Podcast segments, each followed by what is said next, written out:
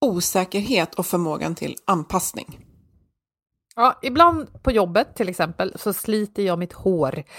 Det kan vara att jag måste fatta ett beslut just nu fast jag inte har riktigt rätt beslutsunderlag för hur något kommer att utvecklas ja, mer än ett halvår framåt. Det är helt enkelt för många osäkra faktorer. Men när jag är i sådana här situationer då brukar jag lugna mig med att tänka på hur vi har klarat ett och ett halvt år av pandemi. Jag vet inte vad du säger om det, Ann-Sofie? Jo, nej men det är faktiskt, och nu kommer jag inte ens ihåg vem, men det var väl Darwin som sa det att eh, alltså det är ju anpassningen som är, det är, ju, det är den som är bäst på att anpassa sig som klarar sig bäst. Mm. Eh, och då, med det menar vi inte att man bara ska gå med på hur någonting är, men att just anpassa sig till nya situationer och utmaningar. Ehm, det är också det som delvis har att göra med resiliens, alltså motståndskraft mm. att hantera de utmaningar som dyker upp. Så att jo, nej men som människor så är väl vår förmåga att anpassa oss det som har fått oss att både överleva och, och inte bara det, utan leva. Mm. Ja, blomstra som art med allt vad det innebär, ja. gott och ont sådär. Ja, nej men eh, vi hittade en intressant artikel tyckte vi hos konsultfirman McKinsey om något som de kallar för anpassningsparadoxen. Och just det här med hur vi kan tänka för att hantera osäkerheter på bästa sätt. Ja, och det här är ju insikter som framförallt alla i beslutsfattande positioner, alltså alla människor, behöver reflektera kring idag. Och ja, som sagt, vi fattar ju alla beslut dagligen, både på jobbet och privatlivet, så att vi tänker att det här är nog värdefulla insikter för alla.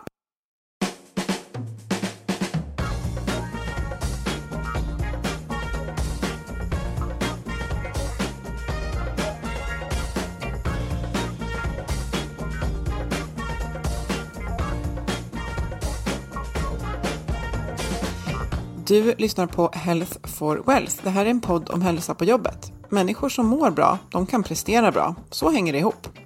Mm. Och ofta handlar det om att få till riktigt bra samarbeten. Att både ha en tydlig riktning och frihet att agera självständigt. Och förstås trygga ledare som har tid att leda. I den här podden tar vi ett helhetsgrepp på hälsan på jobbet. Allt ifrån hur vi hanterar gränslöshet, digitalisering, stillasittande till hur vi tillsammans kan bygga arbetsplatser där människor både mår bra och presterar. Vi är Ann-Sofie Forsmark. Jag driver konsultorganisationen Oxigroup. Och Boel Stier, kommunikationskonsult. Lyssna på oss så får du inspiration och nya idéer varje vecka. För dig som är chef, ledare, jobbar med HR och medarbetare såklart. Mm. Och, ja, ett stort problem som vi människor har i en tid när vi behöver tänka nytt och lösa nya problem, det är att vi ofta tänker i spår som redan är upplöjda i hjärnorna. Det blir liksom enklast så. Och framförallt så gör vi ofta det när vi känner oss stressade, för då har vi liksom inte den där kapaciteten att tänka nytt. Och ser vi ett, eh, ett problem, då funderar vi först på vilka problemlösningsmetoder som vi eller alla andra redan har använt i liknande situationer. Så att det hindrar ju oss i det här vi pratade om i inledningen, att anpassa oss. Mm. Och kallas för anpassningsparadoxen. Ja, och det är ett intressant begrepp tycker jag det här med anpassningsparadoxen. För precis som du beskrev, anpassningsförmågan har ju varit en, en överlevnadsfråga för oss människor. Den tjänar oss. Eh, vi behöver liksom göra nytt i en ny situation. Och samtidigt finns det en hel del mekanismer i hur vi tänker framför allt eh, där vi gärna vill hålla i det som är tryggt. Så mm. ja, om jag nu ser att här kommer en pandemi på horisonten eller här kommer klimatkrisen förvärras så tänker jag kanske att jag gör som jag alltid har gjort, att jag ja, du vet, lägger, borrar ner huvudet i sanden och tänker att jag tar hand om mitt och så löser det sig säkert. Men ja, det är inte så riktigt. Men, Nej, och, ja. Ja, men jag tänker att det är väldigt egentligen konstigt om man tänker att vår anpassning som människor är en styrka och samtidigt så är vår ryggradsreflex att när vi hamnar i ett läge att vi behöver det bäst eh, så, så har vi inte riktigt förmågan sådär. Men vi kan hjälpa oss till det. Det är lite det vi ska komma in på idag. Ja, för att om vi blir mer medvetna om och öppna för förändring, då kan vi välja väg innan verkligheten sådär mer eller mindre har tvingat oss in på ett vägval, för då kan det plötsligt bli svårt, eh, dyrt och ja, det står plötsligt mycket mer på spel om man behöver välja en annan väg. Ja, men precis. Så att vi, vi investerar inte tiden, resurserna och arbetet på att lära oss någonting nytt förrän motivationen, eller motivationen skulle jag vilja säga ofta, är väldigt hög. Alltså det är väldigt pressat, lite så här bråttom viktigt. Mm. Och eh, ja, om den här då höga hotiva motivationen kommer av väldigt hög press, som att mycket står på spel, det är bråttom och allvarligt, alltså då ligger ju också rädslan att misslyckas eh, i vägen för lärandet. För att som hjärnan funkar så har den väldigt svårt då att vara i det här lugna reflekterandet, ta in nya perspektiv. Och, så att vi behöver kunna ha ett lärande mindset även när pressen är hög. Och med andra ord så är det här en kompetens som varje organisation, alltså människorna i organisationen, behöver bygga upp och det behöver vara en del av, av, av DNA. Inte ett verktyg att plocka fram när det är kris. Exakt, och att ha den här anpassningsförmågan inbyggd i företagskulturen, det ökar faktiskt lönsamheten. Eh, och det kan man ju tänka sig, men här pekar McKinsey på en forskningsartikel i Journal of Organizational Behavior från forskare på Berkeley-universitetet i USA. Och där ringar man in det faktum att stark kultur, ja men det kan ju låta bra. Ja men de har en väldigt stark och härlig arbetsplatskultur. Men det betyder ofta att man är överens om och agerar efter vissa normer. Och i en dynamisk miljö som förändras mycket, ja då kan rigida normer i sig vara ett hinder för utveckling och anpassning. Hi, this is Craig Robinson from Ways to Win and support for this podcast comes from Invesco QQQ the official ETF of the NCAA. Invesco QQQ is proud to sponsor this episode and even prouder to provide access to innovation for the last 25 years. Basketball has had innovations over the years too. We're seeing the game played in new ways every day. Learn more at Invesco.com slash QQQ. Let's rethink possibility. Investco Distributors, Inc. Hey, it's Ryan Reynolds, and I'm here with Keith, co star of my upcoming film, If, only in theaters, May 17th. Do you want to tell people the big news? All right, I'll do it. Sign up now and you'll get unlimited for $15 a month in six months of Paramount Plus Essential Plan on us. Mintmobile.com slash switch. Upfront payment of $45 equivalent to $15 per month. Unlimited over 40 gigabytes per month. Face lower speeds. Videos at 480p. Active Mint customers by 531.24 get six months of Paramount Plus Essential Plan. Auto renews after six months. Offer ends May 31st, 2024. Separate Paramount Plus registration required. Terms and conditions apply if rated PG. This Mother's Day, celebrate the extraordinary women in your life with a heartfelt gift from Blue Nile. Whether it's for your mom, a mother figure, or yourself as a mom, find that perfect piece to express your love and appreciation. Explore Blue Nile's exquisite pearls and mesmerizing gemstones that she's sure to love. Enjoy fast shipping options like guaranteed free shipping and returns. Make this Mother's Day unforgettable with a piece from Blue Nile. Right now, get up to 50% off at BlueNile.com. That's BlueNile.com. Men, pekar de på här, om anpassning i sig är en del av de normer man agerar efter.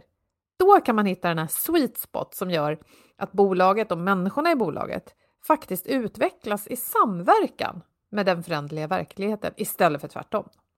Alltså spontant så tänker jag ju på en av mina gurus, Seth Godin. Han säger ju att kultur är the way we do things around here. Och då tänker jag att här behöver vi säga uh, we regularly reflect on how we do things around here. Att det ja. är en grej, att alltså, vi reflekterar regelbundet på uh, vad vi gör och vart vi är mm. på väg. Och, ja, mm. vi, vi ska ta mer hjälp också för att McKinsey de har vaskat fram fem åtgärder, eller steg då, som de rekommenderar ledare. Och här tänker jag att man ska inte stänga öronen om man inte är ledare, för att det här, vi behöver alla leda oss själva i det här tror jag.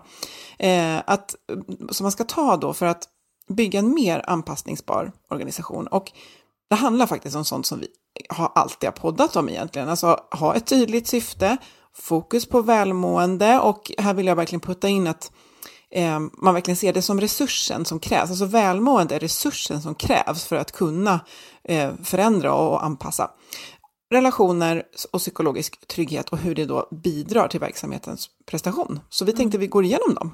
Mm. Och jag tycker det är så spännande och kul och intressant att den här första punkten är formulerad just som den är formulerad, så här. Att göra välmående till en grundläggande kompetens. Ja. Jag tycker liksom bara det den formuleringen säger ju mycket att välmående är inte något så här lite extra socker på kakan, lite, lite så här bonusgrejer, att det vore väl härligt om man också fick må bra på jobbet. Utan att det står ju här också, det bästa sättet är att hantera, eh, det bästa sättet som mm. hjälper oss att hantera krävande situationer, det är att investera i det egna välmåendet innan man kan liksom sätta igång och hantera den här svåra situationen. Nej, men, och då tänker jag så här, är det ordet välmående som leder oss fel här? För att för mig blir det också eh, nästan en slutstation. Alltså välmåendet för mig, det är så här, det vill jag ha i mitt liv. Mm. Men om jag tänker att jag behöver ha ett välmående för att göra mitt jobb, mm. så är det ju för sådana som jag, för sådana som dig, väldigt tydligt att det handlar om ett fysiskt, eh, mentalt och till viss del liksom, eh, vad ska man säga, spirituellt välmående där jag känner ett tydligt syfte som behöver ligga till grund. Så att vi, vi kanske behöver prata om vad välmående handlar om. Att Ja, ja, men det är jätteintressant som du business. säger, att är det en slu- exakt, och det har ju vi hävdat hela tiden, men det är intressant den bilden du målar upp, att det är inte en slutstation. Det kan det ju vara i många sammanhang. Men om vi snackar om hur vi ska vara på jobbet, att vi ska kunna prestera, att vi ska liksom få saker att växa och jobba ihop och utveckla det ena och det andra, vad det nu är vi jobbar med, ja men då är ju välmåendet en resurs. Det är, lite som att, mm. ja, att det är lite som att säga att ja, men är du helt ensam på jobbet är det svårt att få till allting, för att man behöver ju många mm. kompetenser. Men det är samma Exakt. sak, är du inte välmående i någon mån, i alla fall över tid, så är det ju svårt att jobba. Ja, nej men mm. det här, jag tycker den här punkt ett, det går att likna vid det här välkända exemplet med syrgasmasken när man flyger ni vet den här eh, instruktionen till flygpassagerare att om man hamnar i en nödsituation då ska man först sätta på sin egen syrgasmask innan man hjälper barn med deras mask. Mm. Och I pandemin så har ju kraven ökat på chefer att stötta sina medarbetare med, med, med hälsan. Men den chef som inte bygger sin egen mentala, fysiska och sociala hälsa är inte rustad att sätta på den här hälsomasken på någon annan. Liksom. Nej. Nej men verkligen, att, och, och, att verkligen koppla ihop det. Att med all forskning och empiri vi har, nu känns det som att jag bara, nu upprepar jag något vi har pratat om, men det är verkligen, det här behöver trummas in. Mm. Okej, om vi, om det är det här vi försöker uppnå idag, om jag har så här mycket möten, vi ska göra det här och det här och det här, då vet vi att jag behöver syresätta min hjärna, jag behöver känna mig trygg i det här mötet, känna mig, eh, jag gillar ju den här scarf-modellen, jag behöver känna liksom status, trygghet och att vi hör ihop här och det är rättvist och, och lite andra grejer. Att eh, det här, är, det, är liksom, det här är förutsättningar som krävs och att varje individ behöver eh, uppmuntras att ta hand om det här och alla kommer göra det på olika sätt och i chefspositionen så blir det eh, väldigt win-win i att jag själv ser till att ta hand om det här för mig, för det Eh, sänder också tydliga signaler till medarbetarna att det här är så otroligt viktigt för att vi ska nå våra mål. Så att jag gör det här både för mitt då välmående som kanske är vad jag vill uppnå i livet i stort, men eh, förutsättningar för att göra det mitt jobb, det är ett annat typ av välmående. Det är mm. samma saker, men där, där, ska jag ha välmående till att prestera på jobbet. Och som mm. tur var är det samma saker som får mig att må bra på fritiden. Mm. Exakt, och där behöver ju ledaren leda så att hon eller han då också visar att den, den är inte ständigt tillgänglig, svarar inte på mejl dygnet om och så vidare. Tar inte med sig datorn på semester och så där. Exakt. Exakt. Inga och, konstigheter liksom för nej. Ehm, en elitidrottare till exempel. Nej, nej, precis. Att man måste ta hand om mental hälsa, man måste ta hand om fysisk och den sociala hälsan innan man ska topprestera. Så är det bara. Mm. Och ta hand om sin fysiska och mentala hälsa, det gav en 21 procentig ökning av effektiviteten på jobbet, 46 eh, ökat medarbetarengagemang och 45% ökning av välmåendet i en undersökning som McKinsey då igen har gjort om medarbetarupplevelser. Och jag tycker att det är värt att stanna till återigen då, även om vi egentligen har sagt det, att ja, men är du chef, du kan känna den här pressen att du måste liksom... Eh, det kan nog lätt kännas som att eh, du måste göra mer än alla andra. Du måste jobba på kvällarna för du hinner inte riktigt med dina egna arbetsuppgifter när andra ställer frågor till dig varje dag. Men någonstans måste även chefen eh, rita en sån här linje och säga att Nej, men här måste jag ta hand om min hälsa, annars kan jag inte hjälpa dig. Mm. Mm. Och det är så mycket win-win i det så att det, det kan kräva lite mod. Men just att om man reflekterar på effekterna av det så, så kommer man se väldigt mycket positivt av det. Mm. Så precis, välmående då som en förutsättning och det var liksom punkt nummer ett och, och massa siffror som stödde hur, hur viktigt det var. Och då som vi sa, välmående i, i ett, eh, i ett kontext att det faktiskt behövs för att prestera för jobbet, men också, ja, eh, de flesta vill ju ha det i livet så att säga. Mm. Men sen var det det här med eh, punkt nummer två då, att göra det högre syftet till sin ledstjärna och bestämma vad som är icke förhandlingsbart. Och Ja, eh, och jag tänker på vårt eh, tidigare mm, poddavsnitt med med Klara om, om, komplexitet. Då pratade hon också om hur viktigt det kunde vara, eller hur viktigt det är snarare, just i en, en värld som upplevs komplex, att så här, vi behöver ha en tydlig bild framåt och den tydliga bilden är inte säkerligen en siffra, det kan det vara, men troligtvis inte, utan en vision, någonting som vi hänger upp det på. Och det kommer tillbaka här, så att eh, det känns ju bra att de krokar i varandra. Och mm ja, men när verkligheten trycker på och tempot är högt och kraven högre. Och det kan vara svårt då, som vi sa i början, att lära sig nytt och läsa av nya osäkra situationer. Men verksamheter där det långsiktiga syftet är kristallklart, de klarar sig ju bättre när pressen ökar eftersom det hjälper var och en att prioritera att göra listorna. För jag har någonting att lyfta blicken mot som känns meningsfullt och viktigt mm. eh, när alltså, att göra listan är längre än veckans timmar. Precis. Och precis som jag tror du nämnde det här med bråttom och viktigt, stress gör ju ofta att vi fokuserar på det som är mest bråttom. Men det som är mest bråttom är ju sällan det som är allra mest viktigt långsiktigt. Så eh, även om ett långsiktigt syfte hjälper oss att prioritera så kan vi också behöva de här hårda gränserna som vi var inne på. Vi pratade om chefen som inte bara, bara kan jobba hela kvällarna och hela helgerna bara för att det känns som att det är för mycket att göra, utan var och en behöver faktiskt eh, säga eh, tydligt att det här är icke förhandlingsbart i min arbetsvardag. Mm. Och det kan... Och, ja. Nej, det, det finns ju det här med omfamna begränsningar. Alltså, eh, det har tagit direkt översatt från engelskan, embrace restrictions. Att jobba med dem. Om jag inte ska sitta med datorn på kvällarna, hur behöver jag fördela tiden idag? Om vi alla ska ha studsa ut från kontoret, vad det nu är då, på fredag eftermiddag eller när man slutar jobba och ha tid och energi till en meningsfull fritid. Hur behöver vi prioritera den här veckan? Och att eh, den här begränsningen som jag tror att vi glömmer att liksom omfamna, utan, och då sväller det ju bara över. Mm. Så att vad är icke förhandlingsbart? Och där är det ju, man kan kämpa på jättemycket på egen kammare, men gör vi det tillsammans och hittar sätt att hjälpa varandra i det här så kommer vi få enormt mycket större effekt. Mm. Och här tycker jag också det är intressant att de nämner i artikeln att det här som är icke förhandlingsbart, det kan mycket väl vara sånt som har med privatlivet att göra. Alltså, det är icke förhandlingsbart för mig att jag ska få hämta mina barn på, på förskolan. Eh, det, men det kan också vara att det är icke förhandlingsbart att jag som chef ska få tid med mina medarbetare, trots att jag har massa administrativa uppgifter. Och det är väl här mm. man måste rita upp dem för sig själv helt enkelt. Ja, och så till punkt tre. Det här är intressant, det eh, hänger också mycket ihop med det vi har pratat om i flera poddavsnitt tidigare och nu senast med Klara eh, Palmberg, va? Mm. Palmberg Broryd, mm. yes. Om det här med komplexitet. Att öppna upp för flera möjliga perspektiv i vår syn på verkligheten.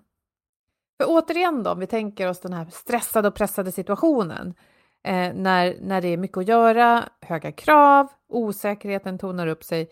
Ja, men precis som vi sa så är det vanligt att vi håller väldigt hårt i det vi redan vet. Det här har funkat förut eller så här har vi alltid gjort. Det är vanliga beteendemodeller.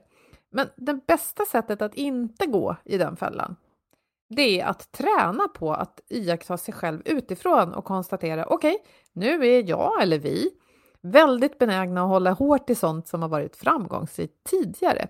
Men nu är det istället dags att ifrågasätta våra etablerade sanningar. Ja, och jäklar, jag tror att man måste hitta riktigt bra triggers där, tänker jag, för att när det går undan, då är det nog svårt att få den signalen eftersom hjärnan skickar inte den automatiskt. Utan den bara, gud vad skönt, här går vi i gamla upptrampade spår.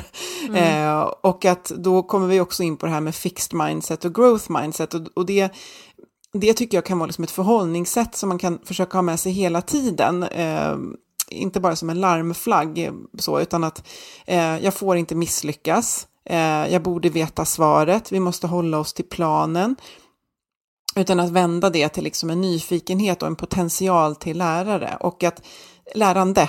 Och särskilt den som är ledare behöver ju visa att hen inte vet allt och inte har alla svar och uppmuntra nyfikenhet och lärande. Och det där tror jag också att man kan behöva jobba med för det förhållningssättet, för att traditionellt så tänker vi att man går till chefen och chefen ska veta. Men om vi tittar på ett modernt ledarskap så vill ju det vara mer coachande och då handlar ju mycket om att vända tillbaka och säga så här, eh, ja men jag vet ju vart vi ska eh, och det vet du också, så att vad, hur skulle du vilja lösa den här utmaningen? Och sen kan man ju säkert komma med med sin erfarenhet och hjälpa till i, i liksom fler frågor. Men att vända tillbaka, ska vi utforska det här, vara nyfikna tillsammans? Eh, jag är den som liksom, jag finns här som en trygghet för att hålla ihop processen kanske, mm. men sitter inte på alla svaren. Nej, utan nu är det istället läge att ställa många frågor som du säger då, och vi vet inte mm. alla de svaren på förhand. Jag tänker, eh, det var ett exempel i den här artikeln på, eh, de beskrev en VD som just i pandemin kände att oj, oj, oj, nu har inte jag alla svar här. Eh, och som istället för att tänka att jag måste nog veta och liksom bara säga något eller peka i en viss riktning, eh, vände sig till människor och yrkesgrupper som var vana att hantera trauman, som vårdpersonal och militärer. Och sökte kunskap där helt enkelt. Hur gör jag när jag ska agera nu i en situation där många är rädda, där det finns många hot och där vi inte vet riktigt utkomsten heller av, av ja, läget idag. Det tyckte jag var smart. Mm. Det var ju verkligen att eh, eh vara öppen för lärande och att vara väldigt vidga, vidga perspektiven. Mm. Ja, men precis. Och sen hittade jag en, Eh, ett intressant begrepp här. Vi pratar ju ofta om to-do-listor, att göra-listor. Men här dök ett annat begrepp upp, en to-be-lista. Hur vill jag vara idag? Att om jag vet att jag går till jobbet och det här är en pressad tid, eh, det kommer bli en tuff dag, det är många som kommer slita i mig och vilja ha min tid. Hur vill jag vara idag? Att göra tid för den reflektionen kan nog göra det lite enklare att ta sig igenom en sån hård dag. Mm, precis, och ha dem kanske uppskrivna någonstans framför sig. Och det är kanske är svårt att sätta någonting som, jag ska vara glad, men, men, men så här, jag ska vara nyfiken. Lyssnande ska, kanske? Liksom, ja, mm. lyssnande, exakt, mer så. Ehm, ja, och sen har vi punkt nummer fyra då, och eh, den är ju ingenting som man bockar av på en förmiddag, men bygga djupa relationer med mångfald. Men Eh, och jag kommer tillbaka till det här eh, poddavsnittet som jag lyssnade på tidigare idag. Eh, just det där att mångfald, där behöver vi också stanna upp och fundera på, har vi det på riktigt? Liksom så. Och att starka relationer, de hjälper oss att vara anpassningsbara. Och eh, socialt stöd påverkar välmåendet och kognitiva funktioner och prestation, framförallt i, i pressade lägen. Och det är svårt att bygga dem i pressade lägen, ja, så det här är ju verkligen något man ska... Varje dag. Ja, och att ett starkt socialt nätverk med mångfald, genuin mångfald och olika perspektiv, det hjälper ju oss också med uppgiften att kunna se en situation. Jag tänker på ett exempel som jag har tänkt på, just att eh, om man till exempel tittar på det vi många tittar på nu, att så här, hur ska vi designa vår, vår arbetsvardag utifrån ett eh, hybrid, så där, då kan man ju tänka att ja, men hur är det för de som bor långt bort, bor nära, har barn, bla bla bla, men också det här att Eh, och, och här, här, är det också lite integritet om man vill upp, ja men jag kanske är mer introvert, jag är mer extrovert eller jag är väldigt ljudkänslig. Alltså det finns många perspektiv och vi ska verkligen brainstorma kring vilka perspektiv är det vi behöver ta hänsyn till här, för det är inte alltid de som, som vi kommer på först och bara dem. Mm. Eh, utan att det ska bli för komplicerat, men att mångfald i perspektiv, det handlar om så mycket mer om etnicitet, kön och ålder. Mm. Så. Ja, nej men verkligen. Och som du säger, det är kanske inte alltid så att man heller alltid vill räcka upp handen och säga ja, det ena eller det andra, utan man, man får ställa många frågor helt enkelt. Och det här hänger ihop med det som punkt fyra handlar om, att bygga djupa relationer. För har vi en stark relation med varandra, då är det lättare att prata om sånt som är svårt, eh, prata om mm. sånt som kan vara känsligt. Och det är också så att jag menar, är vi vana att lyssna på varandra, då lyssnar de ju också på mig när jag vill säga någonting. Om jag visar sårbarhet så skapar jag trygghet hos andra och då kan de också visa sårbarhet. Så det här hänger ju väldigt mycket ihop med det här med psykologisk trygghet som vi ju har poddat om också. Ja, Mm. Precis. Som är lite av ett, ett eh, buzzword och några kanske tycker att det låter väl trevligt sådär, men det är ju verkligen affärskritiskt Mm. i, i, inför de utmaningarna som vi står inför, eh, står inför nu. Och som sagt har vi poddat om tidigare. Ja, precis. Och det, det leder ju oss in på punkt fem där. För att, att skapa en sån här omhändertagande kultur där, där det inte är farligt att misslyckas, där man vågar lyfta idéer och inte behöver vara rädd för att verka dum. Det är ju där vi ger oss själva möjlighet då att anpassa och lära oss. Ja, precis. Och vi, vi lär ju av motgångar och misslyckanden, men, men det är ju verkligen beroende på hur det, den motgången och den misslyckandet tas om hand av mig själv och, och människor runt omkring mig. För ibland kan det vara att jag kan sitta med det själv faktiskt utan att berätta om det. Men delar jag det med dig eh, och, och kanske du, med dig också få hjälp av att avdramatisera det lite grann så bygger ju det ett, ett lärande och att vi kanske behöver eh, ja, liksom om, omformulera vad motgång och misslyckanden är i vissa fall. Ibland är det en rent misslyckande och att eh, oh, gud, vad hörde, jag hörde någonstans var så himla bra begrepp, att ett, eh, någonstans där du typ visste att det här var en risk att det kunde hända och så skedde det, ja, det är inte ett misslyckande för du hade ju nästan, du hade ju på kartan. Så. Eh, men att ja, bygga psykologisk trygghet och sen en miljö där det är alltså, högt i tak, eh, och, och, och det är verkligen så här högt i tak, det är något man säger att man vill ha, men vad betyder det egentligen? Exakt, det är väldigt lätt Vad att det? säga, men, men jag tror att det är mycket mer vanligt att folk säger det, men här har vi högt i tak. Och, men om man Mm. sätter, liksom sätter, ja, sätter ord på vad det innebär, och till exempel att man, man ska våga föra fram idéer, men även våga prata om det som inte går bra. Mm. För det är ju där lärandet ligger. Och det finns ju så många, och vi har tagit upp dem vet jag vissa tillfällen, alltså fruktansvärda exempel historiskt. Vasaskeppet är ju en helt fantastiskt, liksom, där, där det var flera som visste att det här kommer ju inte gå. Men det var ingen som ville säga emot och så, och så sjönk det. Väldigt onödigt. Och, och det finns ju mycket mindre dramatiska exempel, men, men eh, där vi skulle ha gynnats av att man vågar flagga. Och så här, här är vi på väg att göra ett misstag som vi faktiskt kan undvika redan nu. Mm. Verkligen. Och det är, jag tänker mig själv i alla fall, som är inte i början av livet eh, eh, alls, utan... Eller? Nej. Nej, men så här att jag tror att det är vårt ansvar, vi som har jobbat några decennier, att också ge den här tryggheten till unga personer, för att det är ganska svårt att bara kliva in som 20 plus på sin första anställning kanske och bara här ska jag minsann våga säga allt jämt och sådär. Utan det, det måste man ju, man måste skapa förutsättningar för det och visa själv att man kan bjuda på ja, misstag och sådär. Och sen som du säger, en del misstag är ju värre än andra. Det är inte så att man alltid ska skratta åt alla misstag. Så, Nej, men ju mer som står på spel, desto viktigare är ju det egentligen att vi kan prata om dem.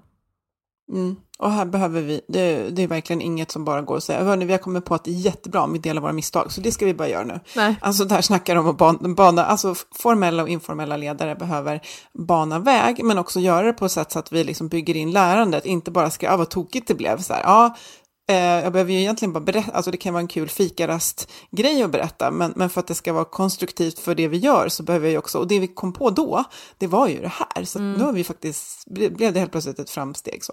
Ja, precis. Eh, Men ja, och visst kan man komma in lite på att ha lite verktyg till hjälp här. Ja, och det här känns ju som att det har börjat bli ett tema i flera av våra avsnitt, men det här att göra små saker, alltså små förändringar och förbättringar eh, ett steg i taget. Det vet vi från så många olika källor nu att det ökar möjligheten att vi lyckas. Som med beteendeförändringar till exempel. Det är svårt, det tar tid, vi gör ofta så här gigantiska planer, nu ska vi bli en sån här organisation och göra allt annorlunda och så faller det pladask för att det blev för mycket att ta tag i. Men om vi kan göra ett litet steg i taget så att alla faktiskt lyckas med det och kan bli nöjda, ja men då, då ökar ju möjligheten också att vi vill fortsätta på den inslagna vägen. Och det här brukar ju benämnas som nudging ibland. Att man eh, istället för att ryta, hota, bestämma så uppmuntrar man de här små förändringarna längs med vägen. Mm, man designar beslutssituationer så, så att de gör att man liksom tippas till att ta det beslutet som man vill vilja göra, men som ibland i stunden är lite så att man försöker designa och det kan ju vara en eh, fysisk eh, nudge, alltså i fysiska miljön. Det kan vara en digital, eh, ganska praktiskt så, digital nudge och sen kan det vara en social, alltså den är ju väldigt stark, liksom att vi kommer överens om att vi ska puffa varandra till det här. Ehm, men också underlätta lärande, att skapa grupper eh, där man lär tillsammans och inte göra det för komplext, inte göra det för stor tidsåtgång förmodligen till en början för då kommer det bli för mycket. Eh, skapa tid i kalendern, det kan man, man kan ju nudga sin kalender till mm. att uppmuntra till att här ska det finnas tid för. Eh, och som sagt, och så, och så gamification, det här vet jag att du tycker är, är, är väldigt roligt. Jo, men att vi kan använda digitala verktyg för att jag menar, påminna oss om saker som kan vara bra att göra och framför allt boosta oss när vi har då gjort rätt saker. Alltså mm. om vi ska, jag vet inte, det kan ju vara så att vi vill bli duktigare på feedback till exempel. Eh, att vi vet med oss, det här är ju väldigt vanligt, att vi mår bra av feedback, eh, att vi mår bra av att bli sedda och, och liksom få, få lyfta varandra när vi gör bra saker och så glömmer vi ändå bort det just för att mm. det kanske inte finns tid i kalendern. Ja, men då, eh, det kanske i och för sig är ett dåligt exempel på gamification för att Nej, men ändå inte. Mm. För, för, gamification, det handlar ju om, om man tänker så här hur, hur spel funkar. Vi, vi blir ofta väldigt taggade när vi testar ett spel som är roligt för att vi får lite feedback hela tiden. Vi, liksom, vi lär oss medan vi spelar, så funkar moderna spel i alla fall. Du behöver inte kunna allting, utan du lär dig längs med vägen och så får du på mm. digitala puffar eller snyggt, bra, eh, nästan där, sådana liksom. Och det där kan man ju mm. bygga in i olika digitala system på jobbet också. Att, ja, men, eh, ja, nu såg jag att du så här, feedbackade till till en, eh, en kollega. Bra gjort. Men ja, det kanske inte riktigt sånt där, men nu... Eh, ja. Jag har ett exempel. Mm. Jag har ett exempel. Jag eh, har en kund och eh, deras CIO, hon heter Kirsi och hon är helt fantastisk och hon delade en grej med mig igår. Jag jobbar ju inte i Teamsmiljön så mycket, men det vet jag att väldigt många gör. Och hon har en dashboard där hon har lite olika figurer och då är det att give praise to a colleague. Så det ena kan vara så här, du var en stjärna idag eller tack för din hjälp och då har hon de där, det är små, det ser ut nästan som emojis och då kan ju hon plocka en av dem, ja, men nu ska jag ge, liksom, du är en superstar eller liksom, och, och det är lite gamification, mm. det är nudging därför att den ligger så att den påminner mm. henne i slutet på dagen om att har du gett någon av de här idag?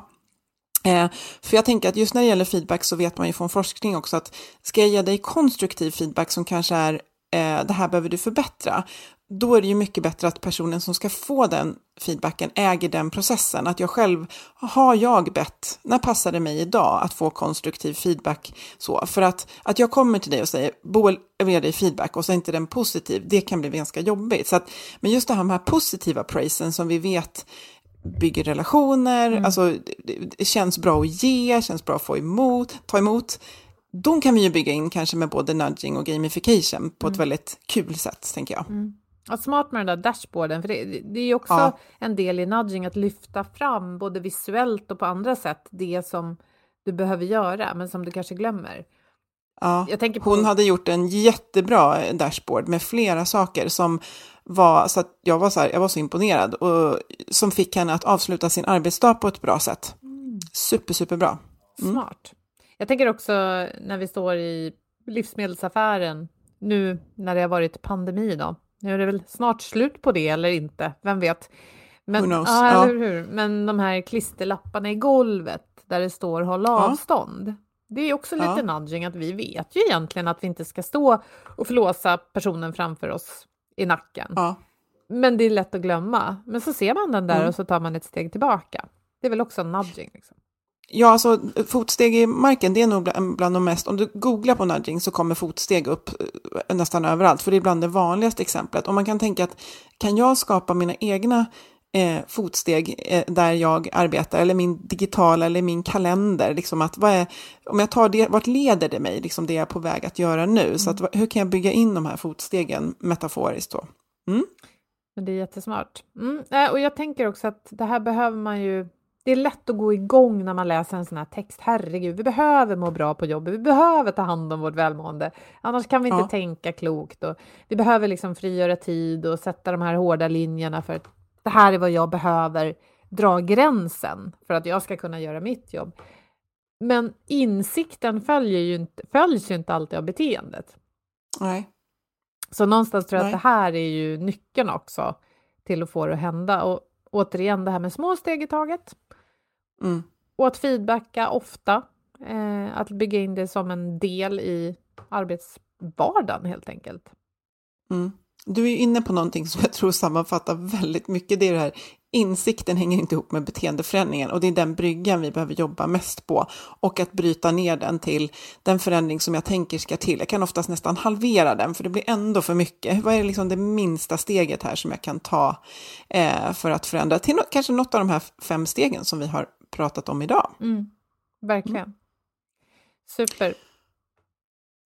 Och vår Partner Motivation.se, Sveriges ledarskapssajt, de har ju förstås många artiklar kring hur man skapar både produktiv och hälsam arbetsplats. Och den här veckan så vill vi tipsa om en artikel som handlar om att en god arbetsmiljö ger bättre lönsamhet, alltså det vi vet. Men samma där, går från insikt till beteendeförändring. Ja. Mm. Och det finns direkta kopplingar i artikeln till det vi har pratat om i det här avsnittet. Hur individers hälsa och välmående går hand i hand med produktivitet, med betoning inte bara på fysisk hälsa utan på det vi kallar den psykosociala miljön. Kortfattat, hur vi trivs på jobbet helt enkelt. Och faktaunderlaget kommer från en undersökning som plattformen Brilliant Future har gjort alldeles nyligen. Och med det tackar vi våra samarbetspartners Motivation.se och Agda Media för den här produktionen. Följ oss gärna på LinkedIn och kommentera våra inlägg där och säg hej. Och så hörs vi om en vecka igen.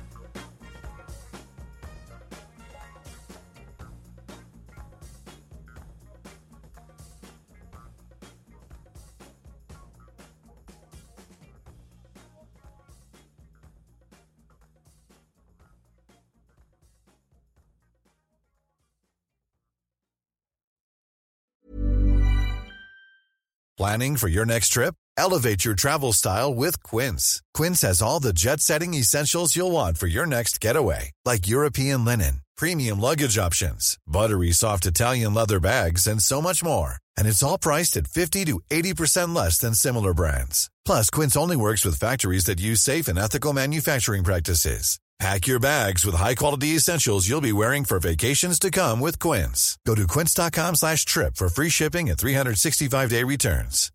Hi, I'm Daniel, founder of Pretty Litter. Cats and cat owners deserve better than any old-fashioned litter. That's why I teamed up with scientists and veterinarians to create Pretty Litter. Its innovative crystal formula has superior odor control and weighs up to 80% less than clay litter. Pretty Litter even monitors health by changing colors to help detect early signs of potential illness. It's the world's smartest kitty litter. Go to prettylitter.com and use code ACAST for 20% off your first order and a free cat toy. Terms and conditions apply. See site for details.